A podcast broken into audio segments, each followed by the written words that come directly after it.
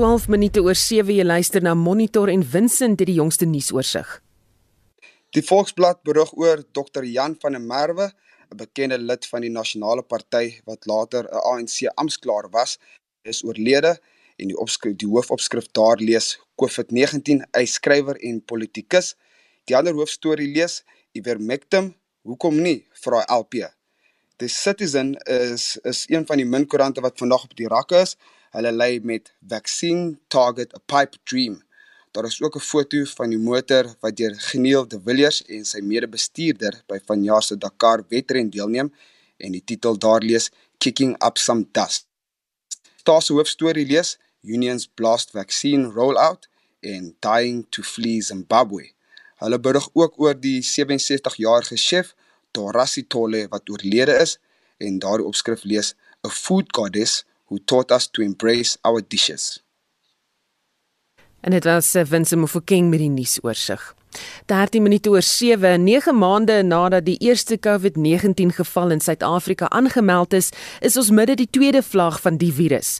Hospitale bars weer uit hulle nate en gesondheidswerkers is moeg, nie net fisiek nie, maar ook emosioneel. En ons wil by jou weet vanoggend, is jy dalk 'n gesondheidsorgwerker wat in die voorste linie werk? Wat ervaar jy en hoe voel jy? Of is jy dalk 'n familielid van so 'n gesondheidswerker wat sien hoe daardie persoon daagliks vir die lewens van ander veg en wat die impak daarvan is op hulle lewens. Stuur vir ons 'n SMS na 45889 teen R1.50 per SMS of praat saam op ons Facebook bladsy by facebook.com vorentoe skynstreep ZARSG of stuur 'n WhatsApp stemnota vir ons na 076 536 6961 076 536 6961 is die nommer waartoe jy die stemnotas vir ons stuur. Nou as daar nie teen die aanbreek van die winter en stof vir Suid-Afrikaners beskikbaar is nie, is die moontlikheid goed dat daar 'n derde en selfs vierde golf van die koronavirus sal volg, so sê mediese kenners. En ons praat nou met die voorsteur van die Suid-Afrikaanse Mediese Vereniging, Dr. Angelique Kutse, en die infeksie siekte spesialis aan drie militêre hospitale se departement van interne geneeskunde, Dr. Kloete van Vuren. Goeiemôre Angelique. Goeiemôre en 'n goeiemôre aan al jou luisteraars en mag 2021 minder bumpy wees as 2020, maar ek het my bedenkinge. Ooh, jene. Goeiemôre Kloete. Môre Susan. Nou ja, Angelique, ons begin sommer met jou terwyl ons so 'n feestelik uh, goeie jaar toe wens. Um, ons is midde die tweede vlaag. Wat is die moontlikheid van 'n derde en vierde vlaag? Ons het 'n goeie moontlikheid vir 'n derde vlaag wat waarskynlik hier in die wintermaande gaan plaasvind. Ehm um, en dit gaan ook afhang van die temperatuur. En nou ek wil net weer eens sê die temperatuur beteken nie die virus is temperatuur sensitief nie. Dit beteken mense is meer binne in huis en koek meer om mekaar saam. So dit is hoekom en ek dink nie ons gaan ek ek dink ons moet realisties wees ten opsigte van die vaksines en nie dink dat die vaksines gaan ons red nie. Ehm um, ook as jy gaan kyk, daar's maar 10% ehm um, van die bevolking wat hulle hopelik teen die tweede helfte van die jaar eers gaan begin in en so ons gaan daai ons gaan ons winter mis. As as ek so ver kyk na na wat is besig om te gebeur. Klote, wat dink jy? Ja, Susan, nee, ek maak geen voorspellings nie, maar ek dink Angelique is heeltemal reg, maar daar's daar's ander redes ook vir die winter, nê, want die die koue, droë humiditeit maak hierdie aerosol druppeltjies wat waar die virus in dryf in die lug as jy dit nou uitasem net kleiner, so dit bly langer in die lug en daarom sien jy ook baie meer infeksies. Dis die ander rede daarvoor, net. Die mm. punt van die saak is geen virusinfeksie of dit nou pokke of masels of polio is, het nog ooit onder beheer gekom sonder 'n enstof nie. Ehm um, en solank ons nie enstof het nie, gaan hierdie ding aangaan. En wanneer die eerste, tweede of derde, vierde of hoeveelste vlaag is, hierdie ding sal aanhou en aanhou totdat ons uh voldoende toegang het tot 'n uh, tot 'n doeltreffende vaksin. Angelique, die minister van gesondheid het Sondag gesê enstof kan nou selfs volgende maand al in Suid-Afrika beskikbaar wees. Kan jy daardie stelling vir ons in perspektief plaas? Ja, ehm um, die via die Covax gaan dit die tweede helfte van die jaar wees. Dit gaan verseker nie. En dit gaan verseker nie binne die volgende maand wees nie. En aandien daar nou vaksines binne voor ehm um, Junie maand in die land inkom, sal dit wees as gevolg van bilaterale onderhandelinge tussen die regering en farmaseutiese maatskappye en nie en nie via die Covax ehm um, uh, uh, uh, um, platform nie. So ehm um, en daai engstof wat gaan inkom gaan vir die gesondheidswerkers wees. Dit gaan nie eintlik vir die publiek wees nie. En dit gaan ook af van hoeveel ons kan inbring en hoeveel hulle kan ehm um, kan negotiate met hierdie ander ehm um, pharmaceutical companies. Angelique, ons het dit al genoem, maar verduidelik net weer vir ons hoe werk hierdie Covax platform en jy weet wat sal dan die verskil wees wanneer ons met privaat maatskappye onderhandel? So as jy met privaat maatskappye onderhandel, dan onderhandel jy direk met sê maar Pfizer of AstraZeneca. Ehm um, en jy kyk ehm um, dis nou ongelukkig hierdie goed wat hulle nou sê ehm um, uh, uh, word nou non-disclosure agreements genoem en hulle kan nie die die die die die ehm um, detail daarvan vir ons bekend maak nie. Ehm um, So ons ons weet nie altyd wat daar weet wat is die die die die fynskrif op hierdie goed nie. Maar dit is die een ding. So dit is probeer jy probeer dit direk inkry. Die een probleem is net as dit in die land inkom of as jy die bestelling plaas, moet jy dadelik betaal.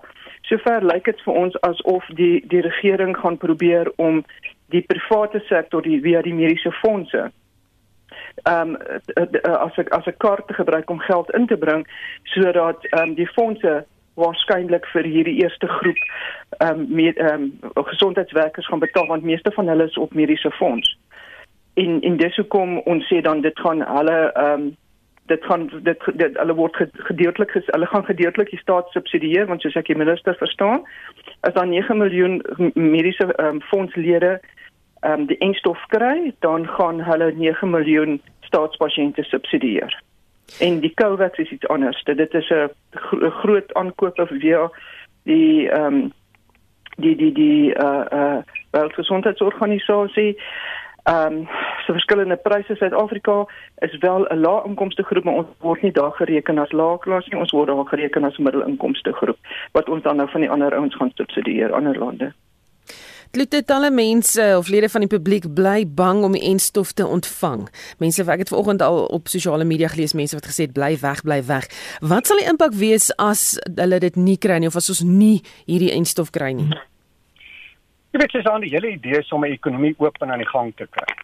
En daar's geen manier dat mense na Suid-Afrika toe gaan reis as ons nog 'n 'n infeksie het wat die wat deurtrek die hele bevolking, jy weet so mense gaan hierna toe kom nie so die toeristebedryf gaan oopkom nie en ons gaan nie toegelaat word om ander lande toe te reis as mense nie gevaksinneer is nie. So die enigste manier uit hierdie ja, kom ons noem dit nou maar by naam uit hierdie gemors is as ons ons bevolking uh inent. Ek weet en, en Angelique is heeltemal reg. As hulle nie die private sektor gaan betrek nie. Jy weet selfs in Amerika en Engeland sukkel hulle met die logistiek om dit goed vinnig genoeg versprei te kry en toe te dien. En as hulle by ons in die private sektor gaan betrek en dat hulle help daarmee. Jy weet, gaan dit baie lank vat, maar sonder enstof is ons ekonomie nie weer aan die gang nie. Dis die eenvoudigste stap. Dit ehm um, terwyl jy nou aan die woord is, jy weet, hulle hoekom dink jy is die private sektor nie aanvanklik genader hiervoor nie? Ja, nee, nee, dit moet jy vir Angie vra. dit is afveld van ekspertise. Angelique Ek dink dit is baie politiek. Ek dink die staat sukkel nog om nie om die om die om die oor om die in die uh uh mind shift te maak van dit is verskriklik belangrik om die private sektor te betrek want as jy gaan kyk na alles wat die staat doen is dit altyd op die publieke sektor gerig. Ehm um, en ehm um, ons weet dat hulle nie eintlik 'n keuse nie. Hulle moet ons betrek. Maar ons gaan sien. Ehm um, ek is baie ek kan baie nou dit dop hou want baie interessant is onthou die staat is die ehm um, alleen aankoper en een van die groot redes is ek dink die farmaseutiese maatskappye gaan met individuele of private mense in die land uh, in, in lande onderhandel nie maar via die regerings Maar hierdie gaan 'n goeie toets wees om te sien van ons nasionale gesondheidsorg wat hulle wil inbring want daar het hulle mos nou herhaaldelik gesê die staat gaan ook die alleen aankoper van dienste wees. So hierdie gaan 'n hierdie gaan 'n baie interessante uh uh um paar maande uitmaak vir ons om te gaan kyk kan hulle dit regkry want dit is wat hulle met ehm um, ek sê nasionale gesondheidsorg ehm um, gaan wil doen. So hierdie gaan 'n doopvuur vir hulle wees en ons gaan almal dit baie mooi dophou of die staat dit werklik kan regkry om om medikasie of dienste uit te uit te rol na beide die privaat en die publieke sektor sonder dat daar 'n groot hiccup erns gaan wees. Maar dit gaan baie interessant wees. Klute gaan nie gesondheidstelsel in die land die virus oorleef nie. Net is hospitale vol nie, maar gesondheidswerkers is moeg uitgebrand. Ja, ek moet jou eerlik sê, as ek die meeste wat ek bekommerd is is oor ons vir uh die die verpleegpersoneel. Jy weet, van hulle werk dubbelskofte of hulle is helfte van die personeel om na die pasiënte te kyk. En weet dit kom nou al van Maart maand af en hele idee was aanvanklik niemand neem verlof totdat hierdie ding nou onder beheer en oor is nie en dan sal hulle hier in Desember nou kon verlof neem en 'n bietjie 'n breek vat. En nou sit ons met hierdie ding en nou kan hulle nie. En uh, as ek met kollegas gesels oral is daar te kort aan personeel, hulle werk, hulle self dood. Dis die een deel van die probleem. En so dit hou net nie op nie. Dis die aanhoudendheid van hierdie probleem wat wat mm. uh my bekommer. En dan die tweede ding is jy weet, ek het dit vorige keer al gesê, pasiënte wat in intensiewe intensiewe intensiewe sorgeenheid opgeneem word, is baie siek, jy weet. En dan word hulle beter en hulle ontslaan of hulle gaan doen. Die probleem met hierdie pasiënte met die COVID is hulle kom in, hulle praat met jou, jy bou 'n verhouding op, jy troos hulle, jy moedig hulle aan en elke dag sien jy hulle bietjie agteruit gaan en dan op eind op 'n ventilator en dood. En dan sit iemand wat jy verhouding mee opgebou het en emosioneel vir die verpleegpersoon en die dokters. Is dit baie baie sleg. Jy weet en dis waar die skade inkom. So nee, ehm um, of die gesondheidstelsel dit sal oorleef, jy weet ons het nou nie 'n keuse nie en ons sal planne maak en uh as dit oorweldig word, nou ja, dan gaan daar baie meer mense dood en dit is dis die hele probleem, jy weet. Dit is baie maklik om iemand met suurstof aan die lewe te hou as daar suurstof is. As daar nie hmm. plek is om jou op in 'n bed te sit om suurstof te gee of die suurstof is op as gevolg van hierdie oorweldige getalle, dit is die groot krisis. Weet ek het nie 'n probleem as iemand wat ek mooi na kyk doodgaan nie, want ek weet ek het my bes gedoen. Maar dit begin baie sleg word as 'n jong persoon inkom uh en jy moet kies en as jy twee jong persone wat ewe verdienstelik is, hulle het nie onderliggende siekte, my kan nie een van die twee op op suurstof sit nie. Dit dit is vir die die die emosionele las vir die gesondheidspersoneel kom. Ons sal dit oorleef en ons sal weer 'n gesondheidstelsel opbou daarna, maar die die gemeenskap van baie baie ly daaronder en ek dink ek gaan dit daar laat met dis uh, soos 'n waarskuwing vir jou om uh, veilig te bly en uh, dra jou masker. Jy weet, was jou hande. Sisteem van Dr. Klute van Vier en hy is 'n uh, infeksie siekte spesialis aan Drie Militêre Hospitaal in Bloemfontein wat verduidelik hoe moeilik dit gaan en wat gebeur. Ons het ook gepraat met die voorsteur van die Suid-Afrikaanse Mediese Vereniging Dr. Angelique Kutse oor hierdie kwessie. Die Suid-Afrikaanse Onderwysersunie sê onderwysers moet as 'n prioriteitsgroep saam met gesondheidswerkers ingeënt word. Die vakbond sê in 'n verklaring dat die land nie weer aan die soort skoolonderbrekings van verlede jaar onderwerp kan word nie. En ons praat nou met die uitvoerende hoof van die SAOI, Chris Klopper. Goeiemôre Chris. Goeiemôre Susan, goeiemôre ook aan die luisteraars. Hoe voel julle onderwysers of hoekom voel julle onderwysers moet as 'n prioriteitsgroep beskou word? Wel in die eerste plek as jy kyk daar is bykans 2000 onderwysers wat al beswyk het aan hierdie siekte. As jy dit vergelyk met die groot totaal van van mense wat ontval het, kyk jy na omtrent 7%, so dis baie duidelik dat onderwysers weet jy is is is 'n beroepsgroep wat wat groot risiko aan blootgestel word. En dan die ander belangrike aspek is ons het regtig 'n baie ontwrigte jaar gehad verlede jaar. As jy in ag neem die skole het um, gesluit vanaf Maart maand, eers hier teen einde Mei oopgemaak. Sekere grade het eers einde Augustus teruggekeer. Die ander grade wat tussentyd begin het, het omtrent teen 50% van 'n skool se kapasiteit geloop. Ehm um, dis baie maklik om dan af te lei dat kom ons sê ons het hoogstens buiten vir graad 12 omtrent 50% van die kurrikulum gedek. Ons het 2 jaar op sy gesit om dit op te vang. As ons nou hierdie jaar weer so onrigting gaan nie, gaan daar sekere kinders wees wat regtig permanente skade in hulle skoolloopbane gaan opbou. En dit gaan langtermyn gevolge hê nie net vir die kinders nie, maar ook vir die land se ekonomie. En um, ons sê as ons dit wil voorkom, dan sal ons moet kyk dat onderwysers as 'n prioriteitsgroep geag word en dat hulle op 'n vrywillige basis met die onderwerp word aan 'n in in 'n inentingsprogram. Maar dit lyk of die eerste inentings dalk eers oor 3 maande beskikbaar sal wees. Dit is so, daar's geen twyfel nie, dit is een van die aspekte waaroor ons baie kommer uitgespreek het. Ons het kritiek daarop. Dit lyk asof die minister, die minister wik en weeg tussen verskillende opsies. Die wiel is klaar uitgevind in ander lande. Ek weet nie hoekom sukkel hulle so nie dis deel van 'n van 'n probleem van die regering dat hulle nie werklik kan besluite neem nie En ons sê die land gaan 'n baie duur prys betaal daarvoor en spesifiek die onderwys. Baie dankie, dit was die uitvoerende hoof van die SAOI Chris Klopper. Die Suid-Afrikaanse regering behoort in belang van die land se ekonomie en die burgers se gesondheid die gebruik van die middel Ivermectin vir COVID-19 pasiënte te oorweeg. Dit is die mening van die hoofbestuurder van TLE, Benny van Sail. Ja, die Suid-Afrika het kennis geneem van wêreldwyd hoe Ivermectin wel as middel gebruik is ook vir die positiewe behandeling dan nou van COVID-19 om dit te bekamp. En daarom het ons die verklaring uitgereik om te sê regering kyk ten minste hierna, moenie net 'n koue skouer op te draai nie. Natuurlik is dit op die oomblik vir diere geregistreer en dit is onwettig om te gebruik. Maar as hierdie toetse en wetenskaplike navorsing wys dat dit wel 'n verskil maak of op watter basis ook al want ek weet daar is in ander lande is dit wel vir menslike gebruik ook geregistreer. Dan dink ek dit is iets om na te kyk want ons hoor nog net positiewe terugvoer van mense wat wel sukses het met die behandeling van COVID-19 deur middel dan van ivermectin. So ons dink dit is belangrik dat daarna gekyk moet word. En ons kan dit nie net een kant toe skuif nie. Hierdie virus is ernstig.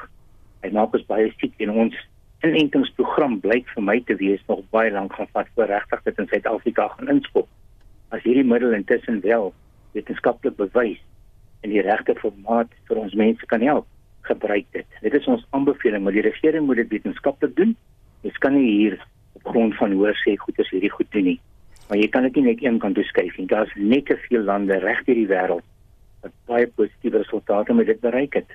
Dit is maar nie 'n geval van net maak dit beskikbaar nie. Ons sê gaan doen die nodige navorsing, doen dit wetenskaplik en doen dit reg. En dit wat ons van uit die buiteland uit op die oomblik hoor, blyk vir ons positief te wees. Daarom dink ons is in enige land is dit onverantwoordelik om dit net een kant toe te skuif en nie nodige toetse rondom dit te doen nie. En ons sal alles in ons vermoë moet doen om nou so gou as moontlik ons mense weer terug in die ekonomie te kry want COVID-19 is nie die enigste bedreiging vir Suid-Afrika nie.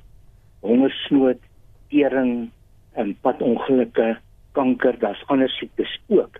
En daarom moet ons 'n balans kry ten opsigte van hierdie proses om seker te maak dat ons ook ekonomies bo op die tafel kan wees om die nodige groei te bewerkstellig. Want met daai kapasiteit kan jy al hierdie probleme aanspreek.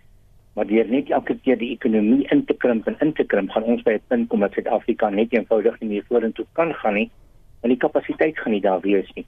So ons pleidooi is kry balans in hierdie storie en kom deursigtig en eerlik daarvoor toe met wetenskaplik nagevorsde en bewyse en maak daar rondom dan 'n besluit wat in belang van al die inwoners van ons land is.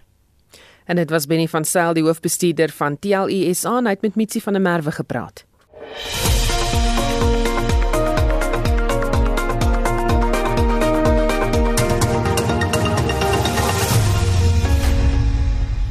So 732. Die verkeer op die land se hoofroetes neem al hoe meer toe soos reisigers terugkeer na die stede. En ons praat nou met Shamaine van Wyk, die Bakwena N1N4 tolkonssessie woordvoerder. Good morning Shamaine. Hi, good morning. How busy is the N1N4 routes this morning? Well, currently we are under 1,500 vehicles per hour, but we are expecting uh, volumes to start increasing from around about 10 o'clock this morning. And have motorists been adhering to COVID 19 regulations and the curfews? Yes, um, we do. We currently do have a roadblock um, stationed at uh, Carousel Plaza southbound. So we do have quite a high um, presence of the authorities along the route. So they are definitely ensuring that um, the regulations are being adhered to. What are some of the common traffic problems you've had the past week, and uh, you know what should people be aware of on this route? Well, we, we've had obviously we do encourage motorists to be patient. Um, the volumes are busy, so you know speeding um, will not get you to your destination uh, any faster, and it's very dangerous. So we do encourage our road users to please obey the speed limits um, you know, ensure you keep a safe following distance because we find that obviously with volumes being very heavy, the traffic is stacked um, upon each other, you know, and, and uh, there's no room to uh, maneuver out if they don't, if something goes wrong. So they need to ensure that they do keep a very safe following distance of at least three seconds between themselves and the vehicle in front of them. Baie dankie. Dit was Shamaine van Wyk, woordvoerder van die Bakwena N114 tolkonsessie en as jy op die pad is, ry asseblief versigtig. Estie, kom ons hoor wat sê luisteraars alles. Susan Mentjie Jansen laat weet sy is 'n gesondheidswerker en sy sê dis glad nie maklik nie en baie stresvol. Almal is moeg en emosioneel, die hospitale is vol en dan is daar ongelukkig nog steeds mense wat sê dit bestaan nie. Hierdie keer is dit baie erger as die vorige keer. Marizaan Estreisen laat weet as 'n gesondheidswerker pleit ek vandag dra 'n masker, bly weg uit winkelsentrums en vermy byeenkomste en ontsmet. Beskerm jou gesin en geliefdes. My lewe en gesin is in gevaar deur ander mense se nalatigheid. Ja, ek het nog gewerk, maar vir my is dit nie meer 'n werk nie. Dis 'n hopelose oorlog. 'n Oorlog teen ongehoorsame mense, personeeltekorte, sonder PPE en mediese voorrade en korrupsie.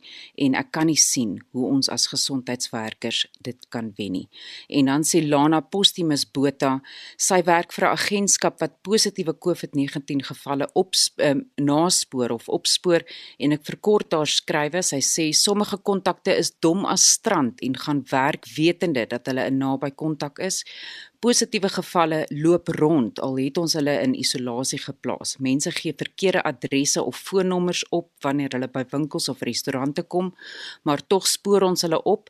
Werkgewers ignoreer die werkers wat sê hulle is verkouerig en laat hulle werk 'n week later toets hulle positief. Dan dring die werknemers aan op 'n skriftelike brief van die dokter dat dit wel COVID is. Ons voel soms so moedeloos. Ons is oorwerk, maar probeer tog 'n verskil maak. Ons praat vandag oor gesondheidswerkers en ons wil by luisteraars weet, is jy dalk 'n gesondheidswerker of is jy dalk 'n familielid van so 'n gesondheidswerker? Stuur vir ons 'n SMS na 4588910 R50 per SMS of gesels saam op ons Facebookblad by facebook.com vorentoe skynstreep ZARSG of WhatsApp vir ons stemnota na 076 536 6961. En dit was Estie met daardie terugvoer bietjie later is sy weer terug met nog. Nuus uit KwaZulu-Natal, die dogter van die vermeende Durbanse dwelmbaas Jaga Nathan Pillay, algemeen bekend as Teddy Mafia, ontken dat haar pa 'n dwelmbaas was. Pillay is deur onbekende verdagtes by sy huis in Shellcross doodgeskiet. Chander sê hoewel daar negatiewe berigte oor Pillay was, hy eintlik 'n goeie voorbeeld vir die gemeenskap was. Familielede van die vermoorde Pillay is steeds in 'n toestand van skok.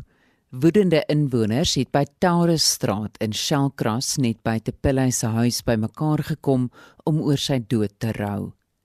Die polisie het hulle hande vol gehad om die skade te beheer. Daar word beweer dat Pillay twee keer in die kop geskiet is en hy was reeds dood met sy aankoms by die hospitaal. Die skade by die huis het glo albei die verdagtes onthoof wat na bewering die moord uitgevoer het. Navechni Chander is Pelay se dogter. I was sitting inside my house in the sitting room with the baby and my father said his friends all day saying his two friends are coming, must pour mineral, must get mineral. Then as I was sitting in the sitting room, I just heard shots and when I came down I saw my father's already shot on the chair. And then after that we rushed him to the hospital. Chander ontken dat haar pa 'n dwelmhandelaar was. He wasn't proven guilty, although he was accused on a number of times, but he was not proven guilty on it. People say that he did this wrong, did that wrong, but if you'll say he did that wrong, that's one thing he did wrong. What about all the good things? What about your children getting food in their mouth, the getting going fairs. to school. What about all that? What about the temples, churches, mosques? What about the police station always eating off his money? The Diwali hampers. What about the Diwali hampers? What about all that? Sy sê haar pa was 'n goeie mens.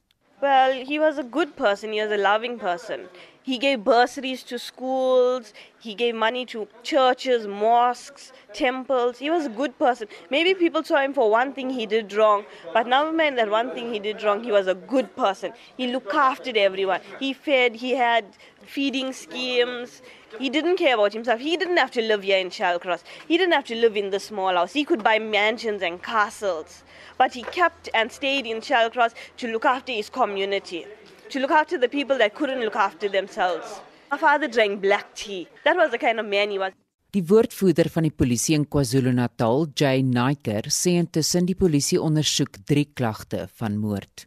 Upon arrival, they established that there were three persons shot, and amongst the three persons was a Asian male that was shot and bundled and taken to a local private hospital, where he succumbed to his gunshot wounds. And the other two suspects, they were shot dead. Their bodies were pulled onto the roadway, and the bodies were beheaded and burnt.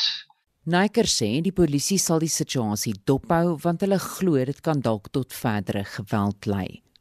Ek is Estie de Klerk vir SAK nuus. Ons beweeg na die sportveld met Shaun Jooste. Ons fokus vanoggend op van die jongste ranglyste en puntelere. Op die internasionale kriketraad se toetskampioenskappe punteleer is Australië op 322, India op 390 en Nieu-Seeland op 360 punte, eerste, tweede en derde. Die persentasiepunte sorg dat Australië nommer 1 is. Suid-Afrika is 6ste op 84 punte. Op die ICC se toetsranglys is Australië, Nieu-Seeland en Indië die top 3 met Suid-Afrika weer 6ste.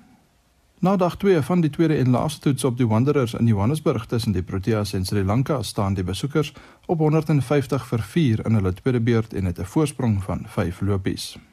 Suid-Afrika is gister vir 302 lopies in hulle eerste beurt uitgehaal met Dean Elgar wat 127 aangeteken het. Onthou gerus dat Pieter van den Berg vir 'n kommentaar en verslag gedurende die toets sorg. Rugby. Na die naweek se Curriebeeker wedstryde staan die Bulle op 35 punte en het nog twee wedstryde oor. Die WP het ook 35 en die Lions en Haie 33 punte, maar hulle het net een wedstryd elk oor. Die vier spanne het hulle plekke in die halfeindstryde ook reeds geboek. Sokker.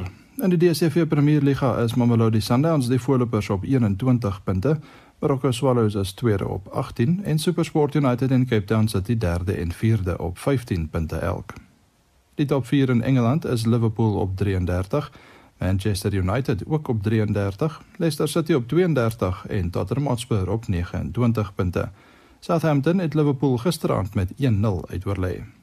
In Spanje is Atletico Madrid op 38, Real Madrid op 36 en Real Sociedad op 30 punte, eerste, tweede en derde. Die top 3 in Duitsland is Bayern München op 33, RB Leipzig op 31 en Bayer Leverkusen op 28 punte. In Italië is AC Milan steeds eerste op 37 punte en Inter Milan tweede op 36 punte. In die top 2 in Frankryk is Lyon en Lille beide op 36 punte.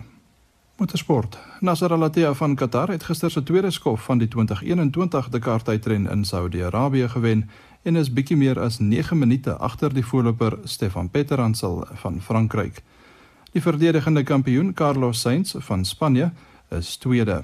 Suid-Afrika se Brian Baragwanath het sewende in die skof geëindig en is nou algeheel agste. Laastens in tennisnuus. Die ATP en WTA seisoene is weer aan die gang, maar daar is wel geen verandering onder die wêreld se top 3 mans en vroue spelers nie. Die mans is Novak Djokovic van Servië, Rafael Nadal van Spanje en Dominic Thiem van Oostenryk. Suid-Afrika se Kevin Anderson val met 1 plek na 82ste en Lloyd Harris met 3 plekke na 90ste. Ryan Klassen bly 18de op die dubbelsranglys. Die top 3 vroue is Ashley Barty van Australië, Simona Halep van Roemenië en Naomi Osaka van Japan. Shaun Schuster, SAK Sport. Die Dakar tydren in Saudi-Arabië is onderweg soos jy nou gehoor het en vir die jongste praat ons nou met die motorsportkenner en redakteur van die Roadtrip tydskrif Ferdi De Vos. Goeiemôre Ferdi. Goeiemôre Susan. Hy het vir ons so vinnig gesê wie loop voor waar, maar wat is die jongste stand van sake by die wedren?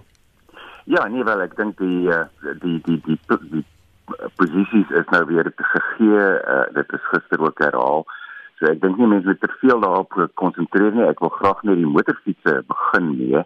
Uh Juan Barrera Bort het uh, gister die die traject gewen van Pisa na Wadi Al Dawasir en hy spring natuurlik nou vandag eerste weg in daardie derde skof. Dit is van Wadi Al Dawasir, dit is so sirkelroete wat hulle ry. 409 km. Nou dit is in wat die Arabiere noem die die empty quarter van daardie woestyn. Ehm um, en dit beteken baie duine.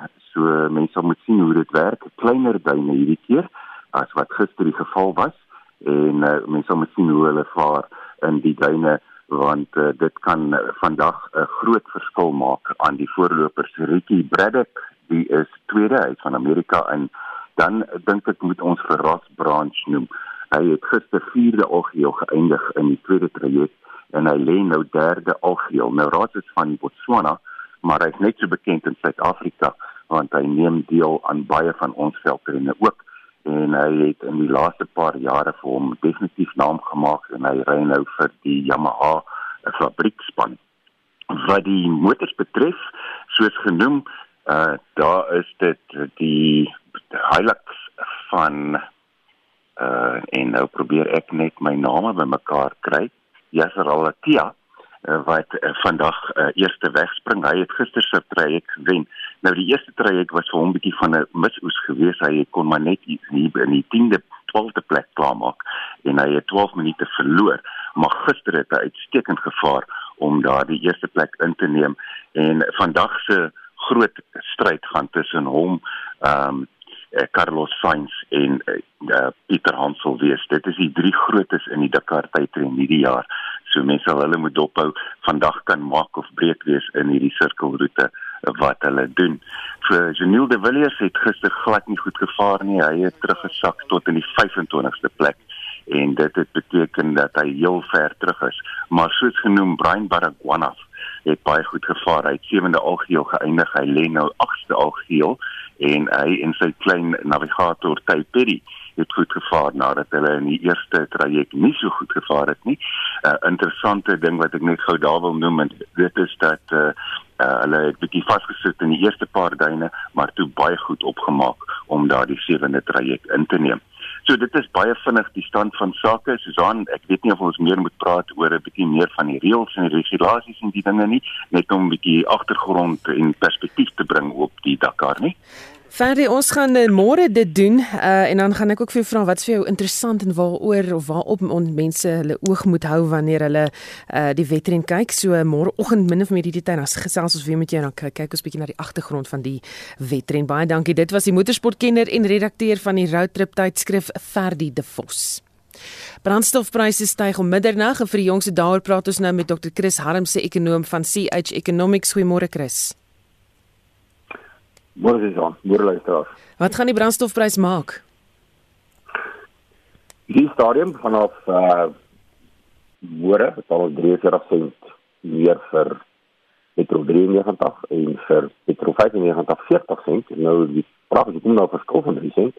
Dit word elke kwartaal aangepas. Dit is as gevolg van maar die raffinering verskil tussen die twee. Uh en dan diesel gaan met 55 sent. So hier is 'n stygings uh, wat ons ondervind het in uh, Desember en wat nou gaan verhaal word uh, natuurlik vanaf die begin van Januarie. En hoekom vertoon die rand so sterk? Wel ek dink ek ek ek dink drie redes, want dit is 'n vraag wat oral gevra word. Ek dink die eerste een is die dollar verswak. Uh teenoor die ander geld, die meer onsekerheid in die FSA, onsekerheid oor uh hoe gaan Biden die uh situasie hanteer tussen die senaat en die ehm uh, regering vir homself. Ehm um, uh, en as gevolg van die senaat op die republikeine ehm um, hanteer word so uh, ons het sien 'n verswakking in die in die dollar. Uh ook natuurlik die verswakking in die dollar as gevolg van hulle die tweede vlag uh wat uh, baie ernstig in die FSA is en uh die onsekerheid of die die enstof weet vinnig genoeg gaan gaan werk vorentoe. Uh die tweede rede hoekom die rand uh, so verstewig is die, die baie sterk stygings in kommoditeitspryse. Ons sien uh dat goud en platina met 'n verlede maand baie sterk toegeneem uh, en ook ander hulpbronpryse wat baie sterk gestyg het as gevolg van dis in die derde die verwagting dat die uh, Asiatiese lande wat baie min geaffekteer is hulle ekonomie deur die deur die virus en nou op groot skaal ook begin om die ehm uh, vaksinne uh, toe te pas uh, veral in China. Uh, ek het gisterand gesien hulle is die mense wat die meeste toegeken het nou al aan hulle mense. Uh, verwag hulle dat daai ekonomie in hierdie jaar wat kom uh, die sterkste nog ooit gaan groei uh uh in die laaste 10 jaar. So hulle verwag baie sterk opswaai in daai ekonomie en dit natuurlik is al, altyd altyd goed vir opkomende lande en Suid-Afrika se rand word altyd nou min of meer gesien as 'n uh, as 'n proxy vir opkomende lande en daarom sien ons dat die rand het uh, verstewig. Hy byvoorbeeld was uh, verlede maand die gemiddeld R14.93 uh en die vorige maand R15.63. So November was die gemiddelde rand R15.63 in Desember R14.93 en ons staan vandag al klaar op R14.65. Inteendeel, ons het die eh uh, markte die oopgemaak het uh, maandag op 'n stadium was ons R14.48. So met ander ons sien 'n dramatiese verstewiging in die in die rand op die oomblik en dit help ten minste dat die petrolprys nie so sterk styg as dit veronderstel is om te styg nie. En dan ekonomies gewys, wat kan ons verwag die jaar veral met die enstofontwikkeling en verspreiding? Weet jy, weet jy uh Susan baie positiewe uitkyk vorentoe. Uh daar is die wêreldekonomiese forum het gister uitgekom met uh met met met met vooruitskattinge van hulle sê dit gaan omtrent 38 miljard rand kos om hierdie vaksines vir die 10 rykste lande in die wêreld te, te verdeel. Uh en uh, as dit gelyk verdeel word, kan hulle verwag 'n meer as 'n 10 keer meer opswaai in die ekonomie van daai lande in die volgende 2 tot 3 jaar, die ander amper 500 miljard rand verbetering. So ons gaan twee goed sien. Ons gaan sien dat uh van jou in aangestekens jou mees rykste lande die ekonomie gaan baie sterk herstel. Ek het al gepraat van China. Uh Southeast Asia is die nuwe vooruitskatting dat hulle meer as 3% gaan groei vorentoe. Uh Europa gaan herstel uh ten spyte van die Brexit situasie. Ten minste is die is die ehm um, die Brexit ooreenkoms nou geteken en almal weet waar hulle staan. Uh en dan natuurlik ook uh, lande soos uh dis India en van die ander ontwikkelende lande wat ook gaan baie sterk groei soos ons vorentoe gaan.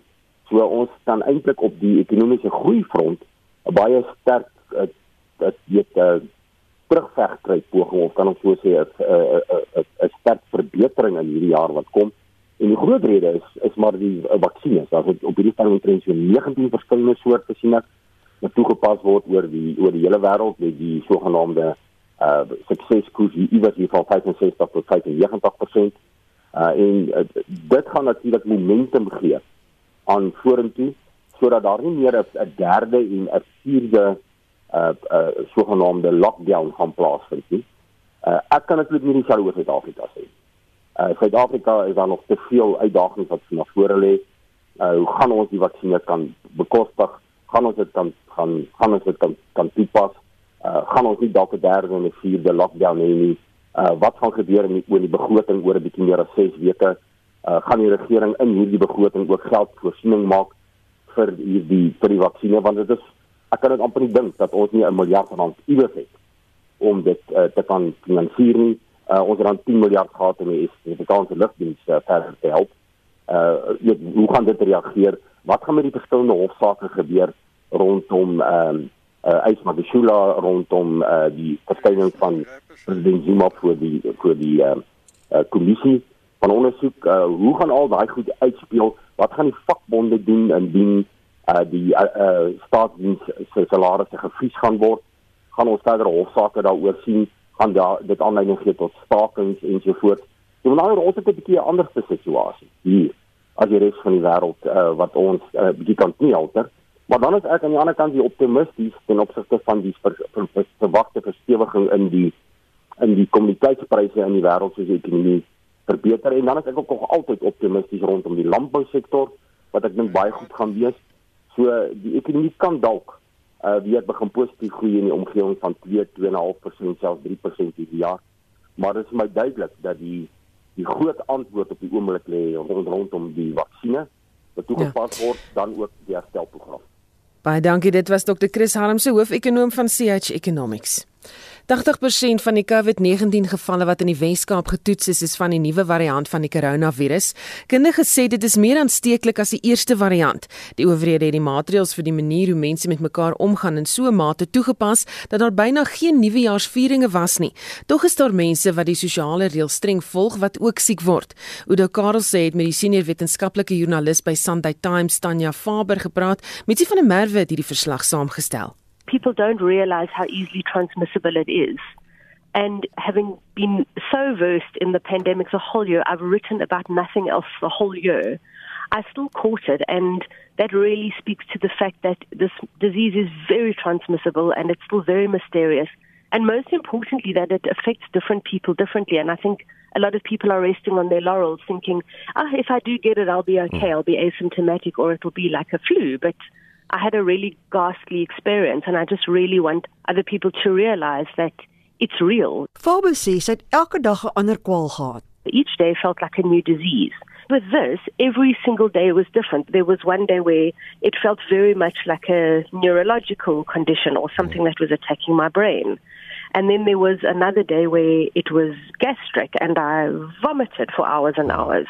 And then there was another day where my throat was so sore that I could barely swallow. Die simptome was van erge hoofpyn, seer spiere, koue koors, naait tot algehele uitputting en 'n algehele verlies aan smaak en reuk. All of those things added together, it meant that for two weeks I was actually incapable of really getting up for more than five minutes at a time. And I'm now day 16 and I'm still exhausted. And I just really, I really want people to know that you just don't know how it's going to affect you. Even within one family, even within yourself, you don't know how you are going to feel if you get this disease. W- were you able to prevent the rest of your family from getting it? I was isolated from the rest of my family. However, one of the many dastardly things about this disease is that you're at your most infectious two days before your symptoms show. Dit is voor jy jou eerste kopseer of naait beleef dat jy die grootste gevaar vir ander is. You hanging out with your family, you sleeping in a room with your partner, all the rest of it. And then when your symptoms show, even if you isolate yourself from that very moment, you've most likely given it to them. So all three other family members had symptoms. My one daughter was very sick for two days, vomiting, and then she was fine. My other daughter, she had a very low grade cough for a few days. And my husband, he also got sick, but a much milder form. And interestingly, the GP said to us, don't all go and be tested. Families are overwhelming the labs. Die optrede oorlaai nie net die laboratoriums nie, maar stel ook gesonde familielede bloot aan rye. sending them off to a queue where there are people being tested. Hmm. So only I was tested, so I can't definitively say that Okay, every family member had it. But judging from symptoms, I would say yes, we did our best to isolate me, but everybody got sick. Wat is Faber se opinie oor hoe die Suid-Afrikaanse regering te werk gegaan het om die enstof te bekom?